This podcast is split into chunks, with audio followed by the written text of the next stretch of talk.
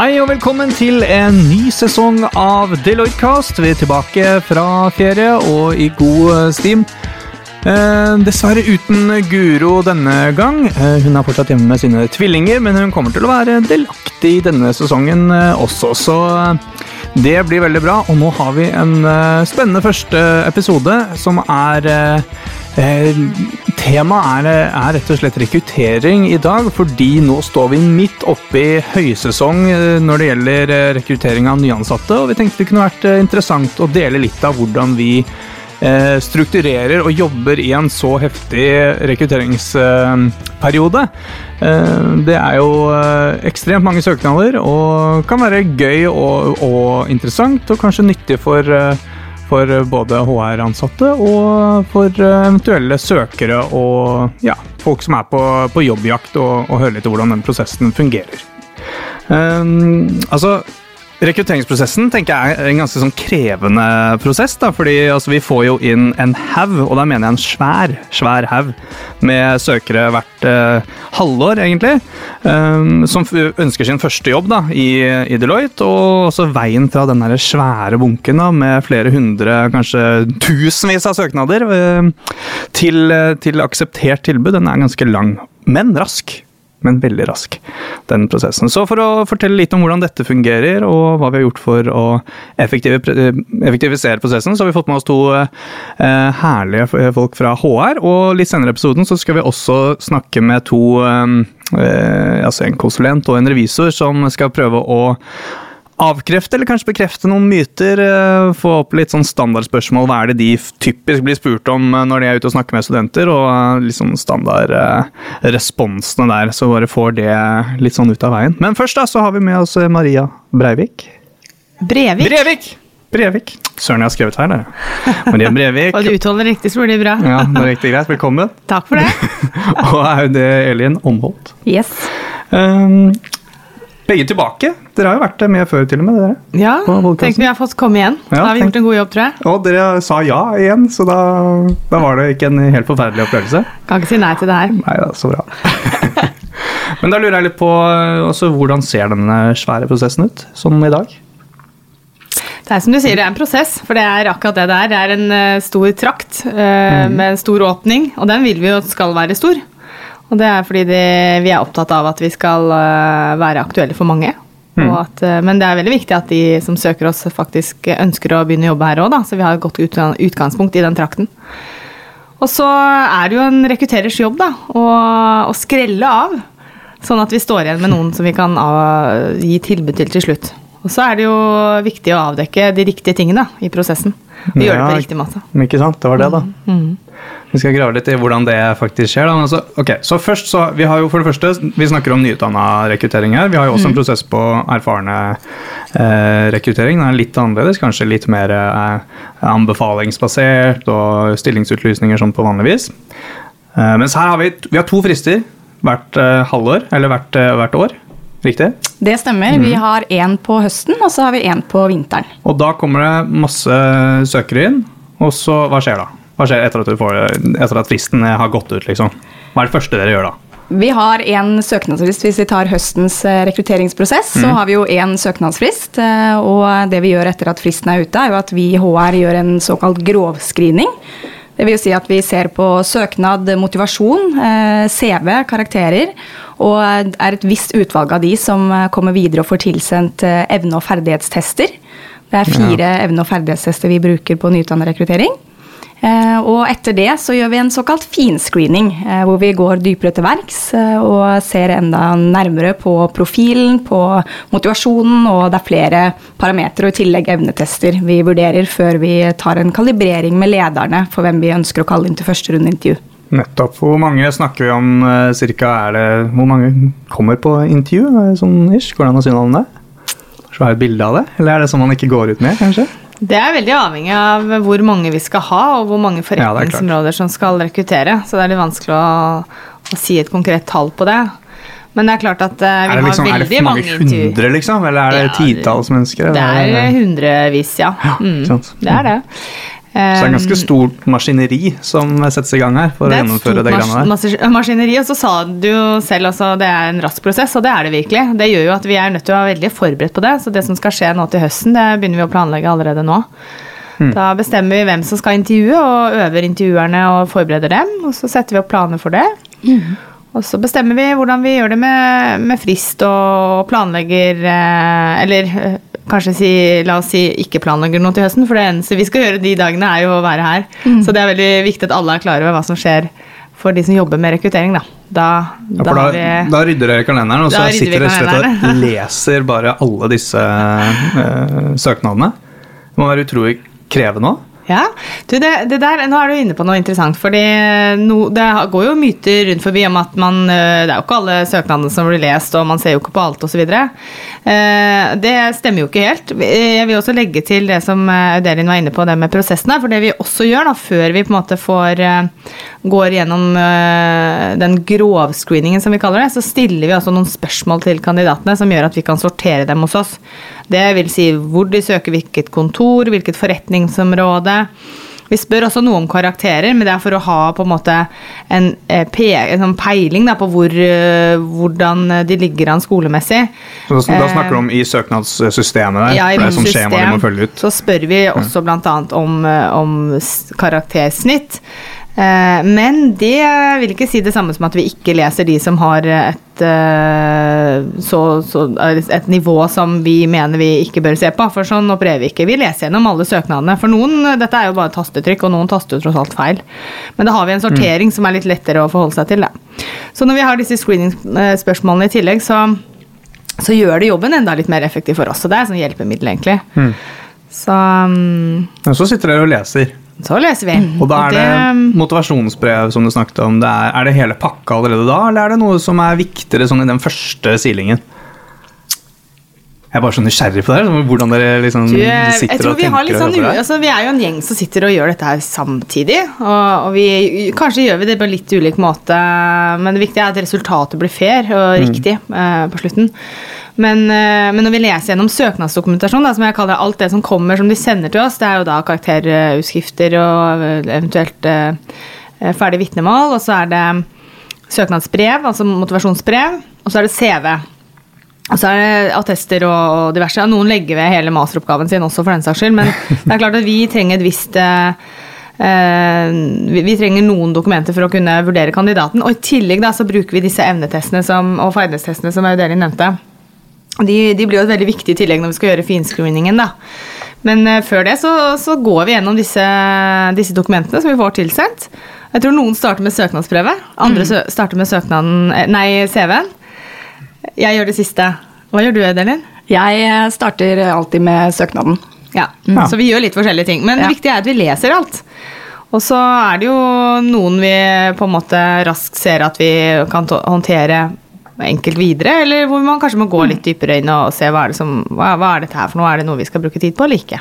Det er sånn interessant for jeg tror ganske mange som bare antar at førsteinntrykket det vil man få fra søknadsbrevet. Mm. Det er der du har mulighet til å liksom gi det førsteinntrykket, men det kan være at det ligger i CV-en eller, mm. eller, et annet vedlegg som man sender. Det er jo kjempeviktig poeng. da. Ja. Betyr det ja. at man må, burde ha en sånn tekst på starten av CV-en som forteller litt om en selv også? Er det en sånn tips?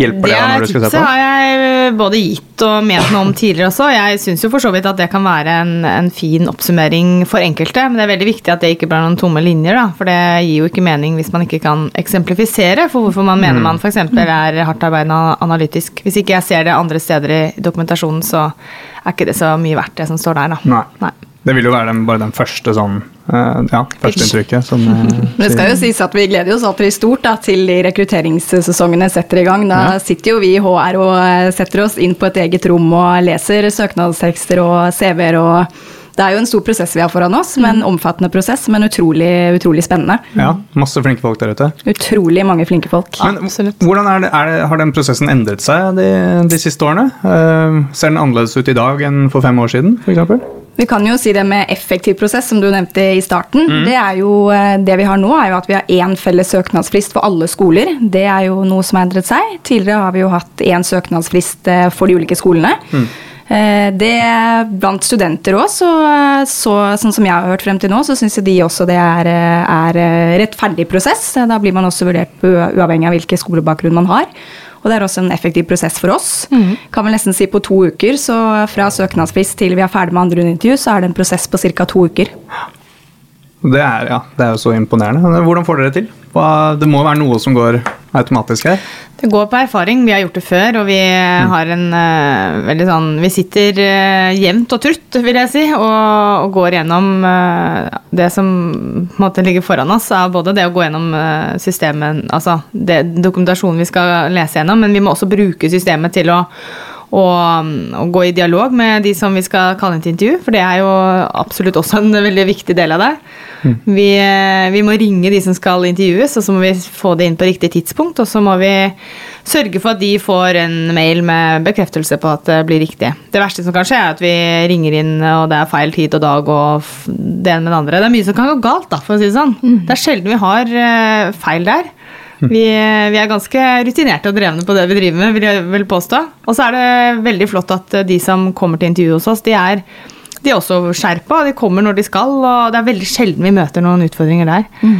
Så, men eh, det er veldig viktig at vi har en rutine som er enkel å følge. Hvis ikke så vil ikke dette her gå seg til, og da er det mange, mange intervjuer som ville blitt eh, dårlig håndtert. Og så har vi representanter ute i linja også som er ansvarlige for bl.a. Blant annet eh, altså vi har rekrutteringsansvarlige partnere. Vi har uh, intervjuteam som får opplæring, og jeg er blant, eh, blant de, ja. som også er kjempegøy å være med på. Det, jeg tenker bare sånn, Fra mitt perspektiv så er det et kjempekult avbrekk òg, egentlig. Det å få, få, snakke med flinke studenter og liksom få påvirket hvem man får inn i teamet og sånne ting. Det, mm. Får dere de men det er en del av de forberedelsene vi starter med tidlig, lenge før vi er i gang med en søknadsfrist. Altså, når den fristen er, så er vi så klare for dette her at vi er sprekkferdige og klare for å gå i gang. Eh, og den jobben som er gjort før det, er jo det som, eh, som gjør at resultatet blir bra. Det er at de som skal intervjue, vet de, hvordan de skal gjøre det. At de føler seg trygge i den rollen, og, og, at vi sørger for en mest mulig profesjonell og rettferdig prosess også. For det dreier seg veldig mye om rettferdighet, dette her også. Vi skal jo mm. gjøre prosessene så riktig som mulig for at de som faktisk søker oss i Deloitte, skal føle seg godt håndtert. Mm.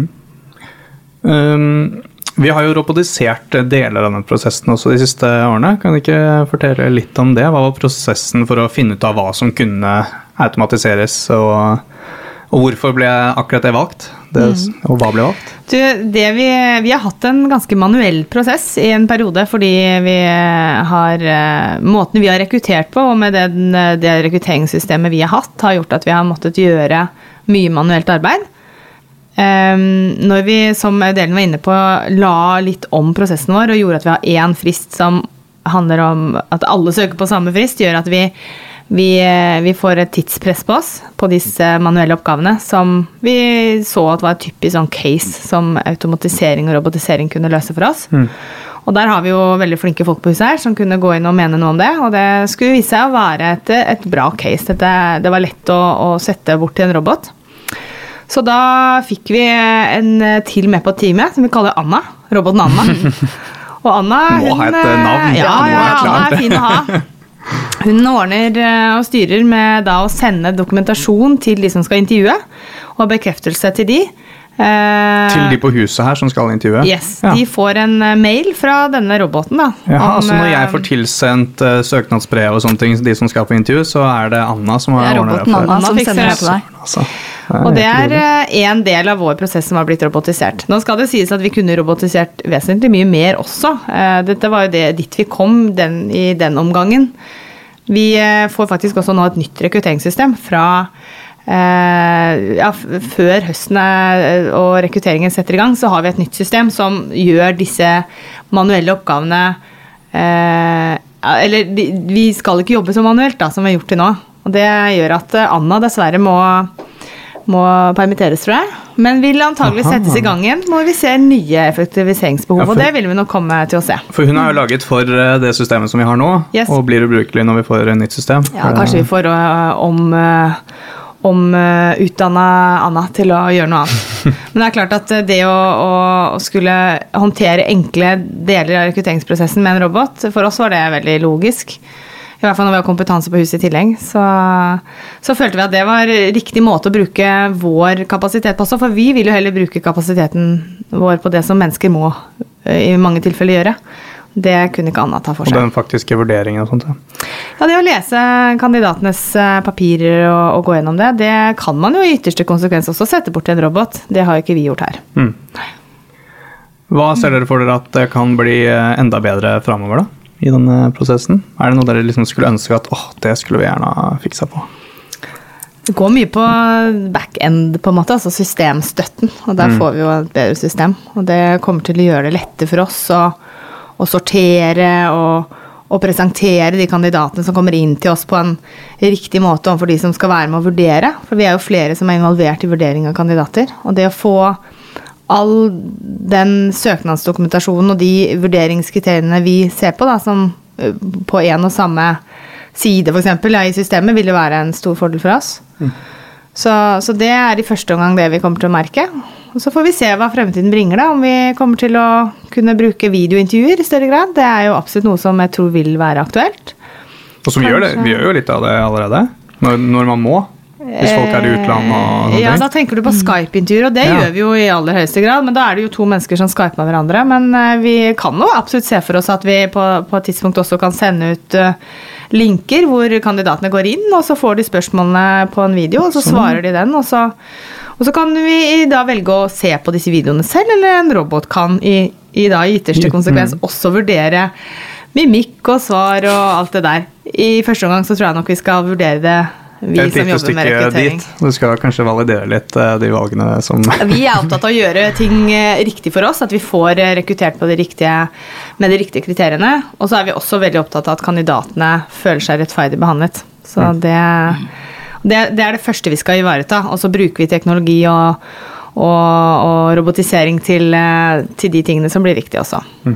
Er det joindeloitte.no som fortsatt gjelder da? eller? Student.deloitte.no er det riktige nå. nå er, yes. ikke sant? Det endrer seg hele tiden. Ja. Ja. Og der så kan man gå inn og se på de forskjellige For det var en ting jeg lurte på, for det, det er jo så sinnssykt mye som skjer på huset her. Og det er ikke alltid, jeg kan se for meg at det er ikke så lett for alle, kanskje i hvert fall en, eh, en potetøkonom eller industriell økonom altså, som kan gjøre mye forskjellig. da. Mm. Hvordan skal man velge, liksom? Du kan jo bli revisor, du kan bli risikomann, mm. eller du kan bli eller dame, eller bli uh, sånne oppkjøps i, i, financial advisory eller alt mulig annet i consulting. altså det er utrolig mange forskjellige muligheter hos oss. Jeg tror mm. Eh, Min anbefaling er jo at studenter som er eh, usikre, tar kontakt med oss, rett og slett. Det er jo mulighet for å ringe oss i HR-avdelingen, og også mulighet for å ringe andre som jobber på huset her, og ikke minst benytte, benytte muligheten både på bedriftspresentasjoner og karrieredager, eller i møte med, med Deloitte, da, til å stille spørsmål og få litt mer informasjon om eh, hva de ulike forretningsområdene eh, tilbyr. Mm. Mm. Og så er det det med å, å gå ordentlig til verks og lese seg opp på det som finnes av informasjon om områdene mm. vi rekrutterer til, og hva de jobber med. For veldig mye finnes der. For en veldig dedikert og interessert student så finner de ut ganske mye om oss. Og det merker vi i intervjusituasjonen, også i motivasjonsbrevene, at de, noter, de, har, de refererer til eh, eh, informasjon de har innhentet selv. da. Mm. Der har de også så. referert til Deloitte-casten, så, ja, yes. ja, ja, så det, det, er jo også å høre Det kommer jo mye faglig informasjon ut fra Deloitte-castene, hvor dere har eh, intervjuet mange ulike fagpersoner her på huset. Så Det er bra vi ikke spiller for et uh, dødt publikum. Det, det, er godt å høre.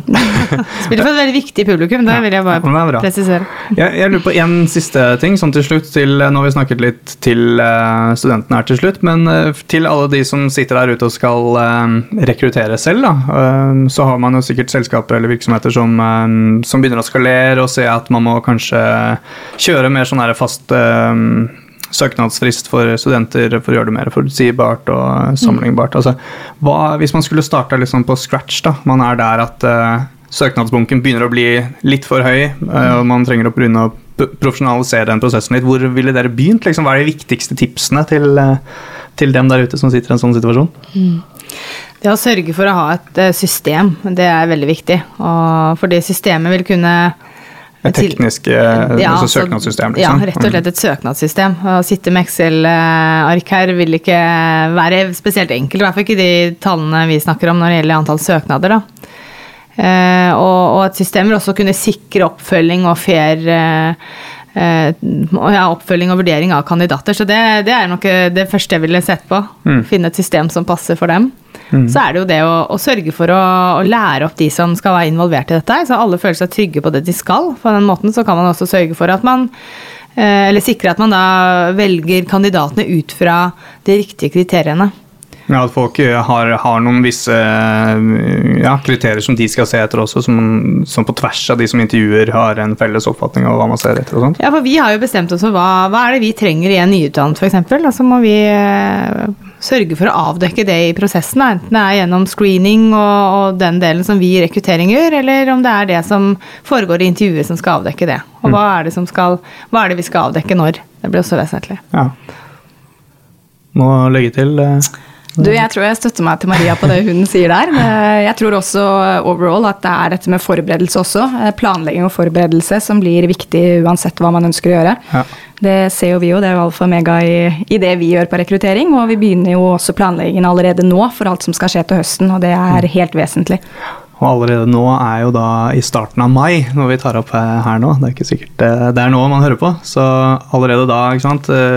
Eh, og så er det slutten av august som er fristen. Eh, mm, ja, så, så, vi starter planleggingen i um, april-mai, og så er søknadsfristen da i midten-slutten av august. Mm for fast jobb på nyutdannet rekruttering. Ja, ikke sant? Og så har man de andre prosessene som går parallelt hele veien. Mm. Og hvis jeg kan legge til en liten ting, da, så er det jo Nå sitter jo vi og ser på Vi, vi sender jo ut Questbacks til de studentene som har vært i prosess med oss, og de ser vi nøye på. Vi ønsker gjerne å vite hvordan studentene vurderer oss da, når de har vært på intervju. Og det tar vi med oss i planlegging også. Vite at vi gjør ting riktig og rettferdig. Og at vi er like profesjonelle i det vi gjør på rekruttering som vi gjør på alt annet vi leverer i Deloitte. Det er jo en kjempeavslutning. Altså kan jeg si eh, fra egen erfaring, altså Da jeg søkte Jeg tror jeg var på intervju på fredag. Kan det stemme at fristen var sånn typisk på tirsdag eller onsdag? eller sånt nå? Så var jeg på Høres ut som det stemmer. Mm. Ja, og så var jeg på intervju på fredag, og så tror jeg jeg hadde tilbud allerede på tirsdagen etter. Mm. Så hele prosessen fra min fra, ja, fra mitt perspektiv gikk på ca. en uke. Det var mm. jeg var helt satt ut at det kunne gå så fort. Og da hadde jeg vært på to eller tre intervjuer. Vært innom her to ganger. Ja. Uh, altså, ja, det er, det er ganske sjukt. Jeg tror det var planlegging og systemet kan gjøre. Altså. Ja, jeg kan jo også legge til, Når vi er inne på dette med intervju, da, så, ja. sånn, eh, hvordan det foregår, så er det jo et første rundeintervju. Det er jo et personlighetsintervju. Mens andre rundeintervju for nyutdannet er caseintervju case-intervju og partnerintervju. Mm. Så det er prosessen vår sånn som den ser ut nå. Ja, ikke sant? Det kan endre seg også, ja. Og da har du en første gang, eller så er det mer sånn snakke om CV og sånne ting, og så er det case, og løse et case der og se resonneringsevne og sånt, og så yes. er det prate med The Almighty Partner for å se om jeg kommer helt gjennom noe. bare, ikke sant? Ja, men eh, topp. Da har, vi, da har vi taklet det problemet. Det er bra, syns jeg. Og så blir det spennende å høre om vi kan eh, bekrefte eller avkrefte noen myter og få svart på noen gode spørsmål i del to av programmet. Tusen takk for at dere kom. Bare hyggelig.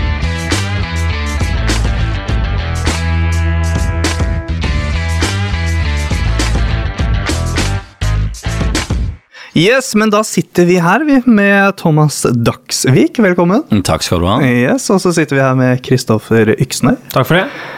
Henholdsvis eh, konsulent og revisor. Um, og ja, Vi vil jo egentlig veldig gjerne høre litt kort om dere først. da. Kristoffer, du har jo vært på podkasten uh, før. Vi kan gi en kort oppsummering fra din bakgrunn og hva du driver med her. Ja, jeg eh, har jobba i Deloitte nå snart tre år. Har studert fem år på NHH og tok eh, Skulle aldri bli revisor, sa jeg, men eh, gikk rett på master i regnskap og revisjon etter bachelor. Og da er det veldig fornuftig å begynne i revisjon, så det gjorde jeg. Og trives veldig godt med det. Ja, topp. Ja, Thomas heter jeg. Jeg har nå snart arbeidet i Deloitte i to år. Jeg gikk på NTNU før jeg kom hit, på Induc, og er nå en del av skoleteamet på NTNU. Ja, ikke sant? Så du er tilbake til gamle trakter og står der og er kremmer for uh, ja, ja, nåværende studenter. Uh, industriell økonomi, så der har du denne litt sånn uh, kvasi-utdanningen med både ingeniørfag og økonomifag og hele pakka. ikke sant? Ja. Disse potetene som liksom kan alt. Ja, ja, ja. Uh, hva er det man sier da? Man er jack of all trade, men master of none. Ja, ikke sant? Ja. Ok, så Det vi skal gjøre her nå, er egentlig bare å prøve å takle noen av de sånn standardspørsmålene som dere typisk møter på stand. Og jeg har vært på skoletime selv, jeg er på BI, eh, så jeg har jo støtt på noen av de selv.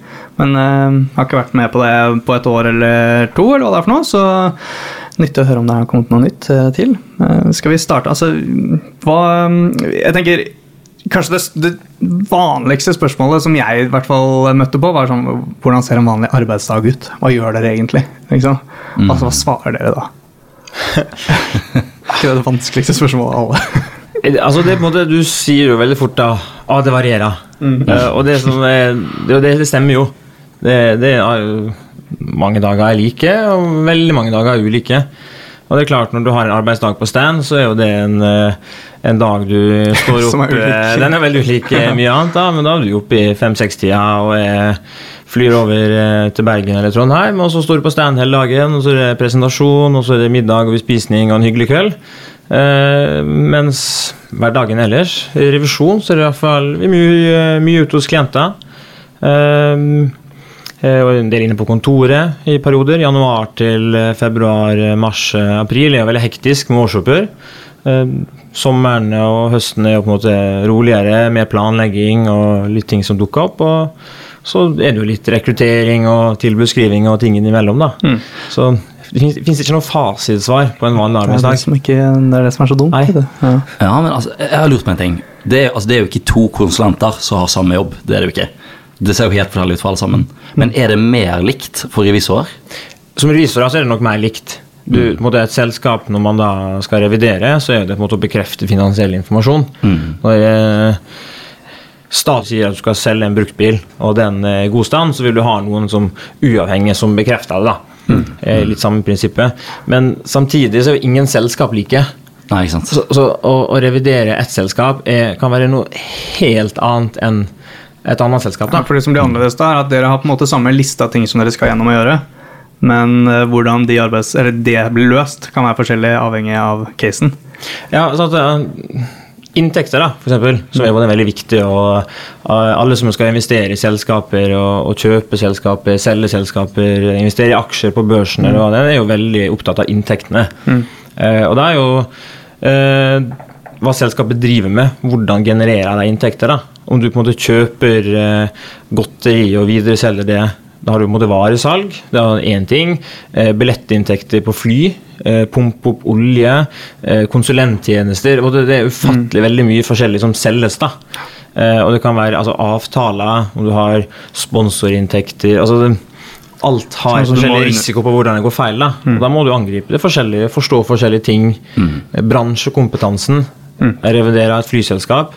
Eh, Jeg reviderer også på en måte et eh, legemiddelselskap. Og det er jo to helt forskjellige bransjer som jeg da må forstå for å kunne revidere det. da. Ja, det er kult. Ja. På konsulentsiden så har man virkelig hele spekteret av alle faktorer. Hvor man jobber henne, om man jobber hos klient, på kontoret, i en helt annen by, i et annet land, varierer fra konsulent til konsulent. Hvor stor team man er, altså om man er én person som styrer showet selv, eller om man er team på ti. Varierer også fra prosjekt til prosjekt og klient til klient. Eh, Og selv så har jeg vært på begge deler. Nå sitter jeg på et veldig gøy prosjekt hvor vi sitter sammen eh, tre-fire konsulenter. Arbeider veldig tett sammen med bedriften og med hele veien ned i, i, eh, linjen hos kunden. Og så har jeg også vært på prosjekter hvor jeg har sittet og programmert og utviklet helt uh, alene. Og har styrt showet litt selv. Så det er veldig stor variasjon. Ja.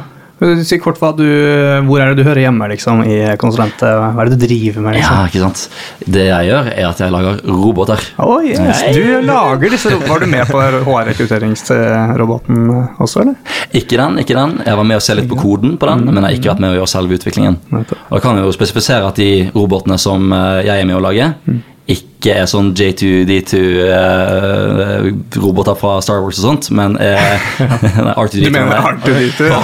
Grunnen til at jeg sa J2D2, for at det er det vi har kalt roboten så hos den kunden. Aha. Men jeg mente R2D2 og C3PO og sånt. Vi lager ikke eh, fysiske roboter. Vi lager software-roboter som eh, gjør arbeid eh, som vi vil gjort på en datamaskin, automatisk. Så jeg kan, jeg kan også pitche inn det at vi har jo faktisk eh, egne episoder både på hva en revisor gjør, og hva en robot eh, egentlig er. Ja. Så man kan gå litt mer i dybden på det der hvis man vil vite mer om det. Veldig spennende. Veldig spennende. Um, så, men det er også interessant. Altså, hvis du skulle lager eh, roboter, så skulle man jo tro at det også var ganske sånn likt å drive med det hver dag. Men eh, er det størrelsen på prosjektet som avgjør liksom, hvordan det, hvordan det blir? Nei, det er ikke så likt, ser du. For å lage disse robotene så må vi også forstå prosessene veldig godt. Eh, og prosessene hos forskjellige kunder er jo veldig ulike, og prosessene i forskjellige bransjer er veldig ulike. Så noe av det jeg setter mest pris med eh, av alt med å arbeide med robotics, er at vi får møtt så mange forskjellige bransjer og så mange forskjellige prosesser. Så um, jo da, det er litt likt når, kanskje når vi sitter og koder og utvikler. Men det vi utvikler, ser veldig ulikt ut fra gang til gang. Og kundene vi arbeider med, er veldig ulike fra gang til gang. Så kan jeg fortelle litt eh, fra min egen eh, kontekst da, Human Capital, som driver mye med lederutvikling eh, og andre menneskelige prosesser. Så vi er vel kanskje utskuddene i konsulentverden, måten vi liksom ja, Både innholdsmessig og, og måten vi kjører prosjektene. For det er veldig mye småprosjekter. Og veldig mye sånn En uke så er det masse jobb for én kunde, og så neste uke så er det noe annet for en annen. fordi det er gjerne samlingsbasert. Ikke sant? Så har man kurs, eller så har man liksom opplæring, eller greenhouse-labber, eller det vi har. Ikke sant? Så, så det er jo Jeg tror det er ganske mye mer sjonglering av forskjellige kunder hos, hos oss enn det er kanskje andre steder. Ja. Uh, som gjør at vi skiller oss litt ut. Så det Og det tror jeg det varierer veldig. Og det, i revisjon så Jeg tror det lengste jeg har vært på en klient noen ganger, er jo to uker. Ja. Eh, Men så kommer jeg tilbake sitte ute, ja. ja. Ja, men også jobbe med den, da. Å ja, men, så, men så kommer jeg tilbake igjen om kanskje to uker senere igjen og har en ny halvuke. Eller i hvert fall to måneder senere. en måte sånn da Eh, og så er det jo forskjell på Norwegian, som er min største klient. Eh, Det har jeg jo veldig mange timer på i løpet av et år. Mens jeg har jo andre selskaper som man reviderer på en dag. For de er kjempesmå. Mens vi har nok ikke mer et sånt consulting-prosjekt seks måneder. Det, det skjer ikke måte at jeg sitter ekstremt mye med kun det i seks måneder. Så, så men igjen, noen sitter jo på en måte veldig mye med store revisjonsklienter også. Ja. Det fins jo selvfølgelig kanskje det. Så det kan men, nesten være mer variasjon nå enn eh, ja, på en måte. kult. Ja, så, så det, men det er jo som, som dere også sier, det varierer Ja. helt ekstremt. Sant? Kommer an på tidspunkt på året og bransje, selskap. Og da, Ikke sant, ikke sant. da kommer vi over på neste spørsmål. Altså, hvor, jobb, hvor mye jobber man egentlig som eh, konsulent eller eh, revisor? Er det så mye overtid og null eh, fritid og sånn som man hører rykter om, liksom? Eller er det Jeg tror det, det varierer veldig. Det svarer på alt det varierer veldig. Men jeg tror det Jeg føler i hvert fall at du kan styre veldig mye sjøl. At du, du legger opp til mye å gjøre, så får du mye å gjøre. Om du er mer restriktiv på at du vil ikke jobbe så mye, så får du lov til det. Og, og jeg syns den komboen passer veldig fint. Noen ganger, eller ofte, så har man kanskje lyst til å gi full gass. Og føler man, man vil nesten ha mer å gjøre, eh, fordi man har så intens stor kapasitet og har lyst til å jobbe mye. Så andre ganger så Nå hadde det vært digg med ei lang helg, en ekstra fridag, og å, jeg vet hva, nå har jeg lyst til en tur til USA. jeg. Det, kan jeg få ekstra uke ferie på påska, eller egentlig bare to uker fri? Så du får på en måte styre mye sjøl. Mm. Ja, den fleksibiliteten du nevner der, den er faktisk helt gull. Sånn som nå var påsken, så var vi to uker i India, og nå om en uke så skal jeg ta en uke til, til fri og dra til Spania en uke. Og det, og det å kunne ha den muligheten til å dra vekk en gang iblant da, og senke skulderen litt, er utrolig deilig. For da har du spart opp litt overtid, da, rett og slett? Da har jeg spart opp litt overtid. Ja. Ja. eh, og så er det jo som, som Kristoffer sier, da, eh, man står veldig fritt til å velge hvor mye man arbeider selv, og kanskje da ta på seg sånne ting som å være med i skoletime, være med i sosialkomiteene, etc., etc. Eh, så jeg selv for eksempel, jeg synes det er veldig gøy å arbeide mye, og jobber sjelden åtte til fire, mens andre syns kanskje at det er en kjekkere arbeidshverdag. Ja, og det var, kommer jo litt i, i rykk og napp òg, egentlig, syns jeg. da. Det, Og noen ganger så smeller det, og andre ganger så er det planlagt, og, men så går det Jeg syns ofte nesten det er de til tilbudsprosessene som er eh, faktisk det som eh, krever mest. Ja, det, For da har du en frist, en ordentlig hard frist som du ikke kan gjøre noen ting med. Ja. Da må det inn, liksom. Nei, men jeg har vært på noen større tilbudsprosesser, og det, da, da brenner det på dass. Ja. Da er det mye som i mål, og ingen har jo egentlig tid til å gjøre det, for det kommer noe liksom, kommer tillegg til utenom dine egne klienter. Sånn. Så, så det er ofte da er det mye å gjøre, og ingen som kan gjøre det, men det må gjøres likevel.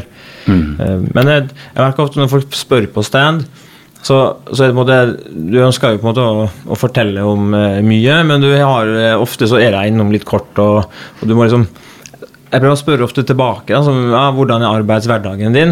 Så jeg, på at jeg kan fortelle om fryktelig mye, og så gir man en sånn generell innføring. Men så er det ofte man spør litt tilbake. da, Hva har du lyst til å jobbe med?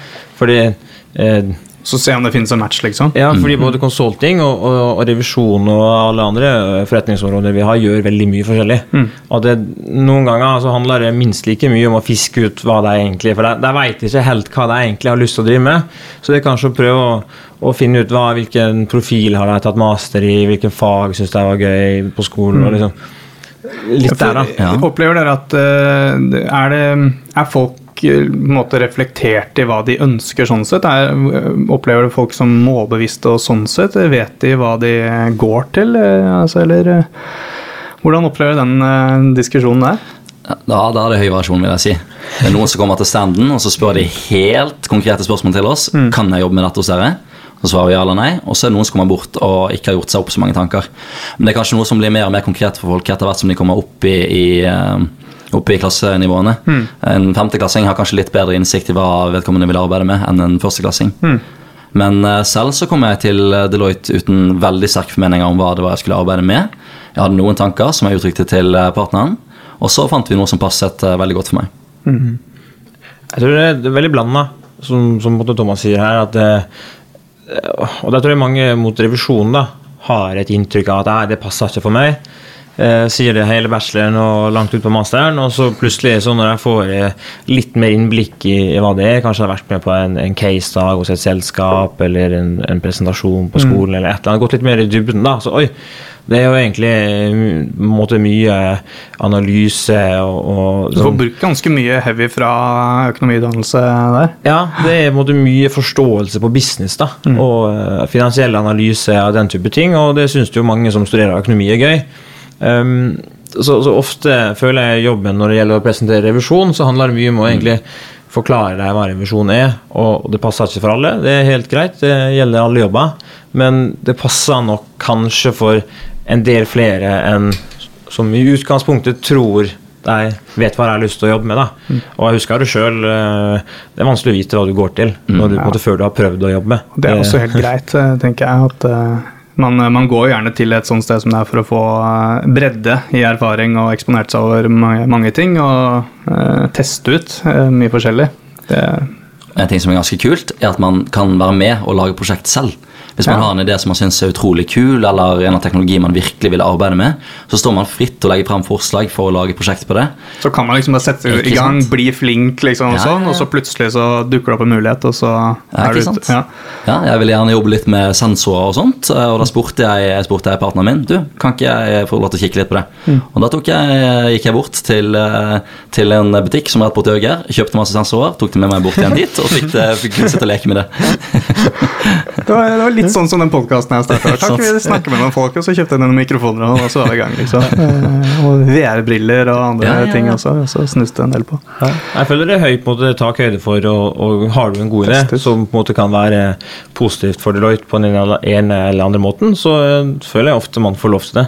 Så initiativrik er en viktig kvalitet Yes. der, kanskje. Vi skulle ta et eh, spørsmål. da. Ehm, Jeg vet ikke om eh, altså Kristoffer og jeg vi fikk ikke tatt disse evnetestene, men var du gjennom den der? Nå skulle jeg til å si at jeg slapp unna, men eh, nei, jeg var Du, du fikk eh, du, du var kanskje det første kullet, du, som, eh, Jeg som var gikk eh, siste kullet som ikke hadde det. Ah, du slapp akkurat unna, ja. Ah, ok. ja Men eh, jeg, jeg, jeg tok den som Deloitter, ja. og det, det merka jeg det var Jeg er litt glad jeg ikke hadde det, egentlig. For du blir jo veldig stressa av å, å sitte der og få en, en test uh, som du skal svare på, og klokka tikker. og Testene er jo designa for at du ikke skal klare alt. Og, og da blir det jo stress. Jeg husker jeg satt på, på jobb og gjorde det. og Gikk inn på et grupperom og booka det og satt der og måtte, ok, nå skal jeg gjøre som de sier. Sette det ned og sette av en halvtime og gjøre testene og sånn. og det, det, det er jo utfordrende. Men samtidig så ser jeg på en måte nytten av det fra både arbeidsgiver og på en måte den som søker. At én, du får en mulighet til å vise, eh, vise det frem på en eh, bedre måte enn kanskje bare karakterene dine gjør. da. Ja, mer objektiv måte også. Ja, det er objektivt. Kanskje spesielt i forhold til intervju, da, sånn at det ikke bare er likeability Ja, ikke sant? ja, hos eh, partneren eller de som intervjuer det. Og dette her med at det er stress, det er jo heldigvis sånn at det er likt for alle. Eh, Så det er kanskje man føler seg litt stresset der og da. Man føler at ikke man fikk til alt, og det gjør man jo ikke. Nei, man skal ikke det. Det skal man ikke. Eh, og så får man en tilbakemelding etterpå hvorvidt man har gjort det bedre eller lavere enn snittet. Hvis ikke jeg tar feil. Ja, det er, man benchmarka det på en måte litt ut mot noen sånne her standardgreier. da. Og så er det på en måte ofte at jeg tror det er, det er, Man ser jo også på ja, hvordan følte du det selv gikk. da? Og så kan man jo på en måte si jeg, jeg har aldri gjort en sånn test før. Første gang jeg gjorde det, jeg var litt dum, for jeg satt på en måte i kantina, hadde bråkt litt, jeg ble forstyrra av to venner. Og så på en måte, ok Um, Kan jeg skyte inn et kjapt uh, tips? Ikke gjør det sånn. Nei, ikke gjør det sånn. Og, og det å øve For der, der er, mm, Vi har i hvert fall linka til det, det hjemmesiden til testene, der du kan øve på lignende oppgaver. Og det, det å få liksom, okay, skjønne Få hvordan du skal gjøre det, og få litt feeling på det. For der er, der er en, en læringseffekt fra første gang du gjør noe lignende, til på en måte du, ok, nå har du fått kontroll på det. I hvert fall fra første til andre gang, kanskje. Ja, Eh, ja, og etter sånt. det så skal det jo ikke være det sånn teoretisk. eh, Nei, altså så- når, når du først har lært deg det, så får ikke du noe mer læringseffekt av det. Du kan ikke øve uendelig og bli bedre. Du har ditt tak da, som du når rimelig kjapt. Men det er veldig lurt å unngå at du liksom gjør mye feil første gangen. da. Det er greit å vite gangen i testen. ja. Ja, det er det. Eh, og så lurer jeg på om vi skal runde av nå snart ja, med eh, altså dette med arbeidsmiljø. Jeg tror det er også ganske mange som lurer på. Da. Eh, så har kanskje privat sektor som helhet, og kanskje spesielt liksom konsulentbransjen og sånt, eh, litt rykte for å ha spisse albuer og liksom eh, opp og fram og opp eller ut-prinsippet der og liksom hele greia. Hva, hva tenker du om det? Skal jeg si som alle eh, representanter for alle bedrifter noensinne? Si det du faktisk mener, Her er det ikke. Ingen spesialbuer. Eh, Nei, men Vi eh, gå litt, litt forbi de flosklene her, da. Liksom. Hva, Ja, En ting som jeg kan si, er at noe som bekymret meg, som jeg vet har bekymret en del andre studenter også, er hvorvidt man kommer inn i en stor sånn mølje av en bedrift hvor man bare blir én i mengden. Eh, Og hvor man da kanskje heller kunne tenke seg å jobbe i litt mer sånn small office, hvor man har litt mer bekjentskap mellom mellom kollegaer. Men jeg opplever ikke at det er det voldsomme samlebåndet som man kanskje kunne være bekymret for. Av den enkle årsak at man er spredd utover elleve etasjer. Man er spredd på veldig mange forskjellige kontorer i landet, og man er spredd på veldig mange forskjellige kompetanseområder. Så når jeg arbeider, eh, sitter i 11. og koser meg der, så kjenner jeg alle jeg møter på. eh, Og koser meg veldig mye med å gå og sitte og snakke og ta en kaffe med, med kollegaene mine. Mm. Så jeg føler det er veldig stor takhøyde eh, i i huset generelt sett, og ja. Man blir godt kjent med det. jeg, jeg føler veldig på den at eh, jeg tror mange overvurderer hvor en et tannhjul i maskineriet man skal bli da, i et stort selskap. Eh, For akkurat sånn som Thomas sier, man er jo splitta ned på forretningsområder, avdelinger og sånn. Og jeg føler jo avdelinga jeg jobber i revisjon, så kjenner jeg alle. Og har det, kan spise lunsj med alle sammen. eh, egentlig. Nå spiser man jo ofte egentlig med kullet sitt som man starta med, for man blir et veldig man blir jo et større kull når man starter. Og, og, og det er kjempehyggelig. Så varierer litt, det også, da, vil jeg si. Jo da. I aller høyeste grad. alt varierer jo. På prosjektet mitt nå så sitter vi hver morgen og sender memes til hverandre i rapporter som vi sender ut. Viktig, viktig, viktig. Med prosjektleder og ja. Ja. Og det er litt sånn så på, på albuekultur Jeg føler vel egentlig at det er litt sånn hvis du har for mye albuer, så, så sliter du egentlig litt med å, å Du snakker om opp- eller er mer sånn, Har du for mye albuer, så er det kanskje mest sannsynlig ute. Mm. Fordi det funker ikke med en albuekultur i et selskap som det her. Det er noe som er viktig. Skal du være flink og, og gjøre det bra i selskapet, så må du være skikkelig flink til å samarbeide. Du må være god til både å lede andre, om det er på en måte rent administrativt, prosjektmessig eller faglig, eh, men du må også være enkel å lede. Mm. Så det må det, du jobber alltid på team, og da har du noen over og under deg. Helt til du er på toppen, selvfølgelig. Men så du må samarbeide mye, da. Og det er kjempeviktig. Det hjelper jo å være en, person som folk eh, Eller som, som hjelper folk. Ja, det hjelper. som, eh, Nei, men eh, jeg tror vi runder av der. Tusen takk for at dere kom og tok en prat her. Jo, takk for det. Takk for invitasjonen. Og hvis dere har likt denne episoden, så håper jeg at dere har Altså jeg håper rett og slett at det, har gitt litt bedre bilde av ja, rekrutteringsprosessen, hva man står overfor når man eh, kanskje vurderer å søke til et sted som Deloitte, og kanskje du også har gitt eh, tips til noen rekrutterere og HR-personer der ute som skal designe et slikt eh, opplegg. Um, ja, og videre, så hvis du, øh, hvis du har lyst til å dele episoden med noen venner og kjente, kanskje noen studenter, andre kollegaer som øh, øh, kan ha nytte av denne episoden eller andre, så setter jeg veldig pris på det, da. Eh, Men det viktigste er at vi høres i neste episode, så vi snakkes da. Eller vi høres.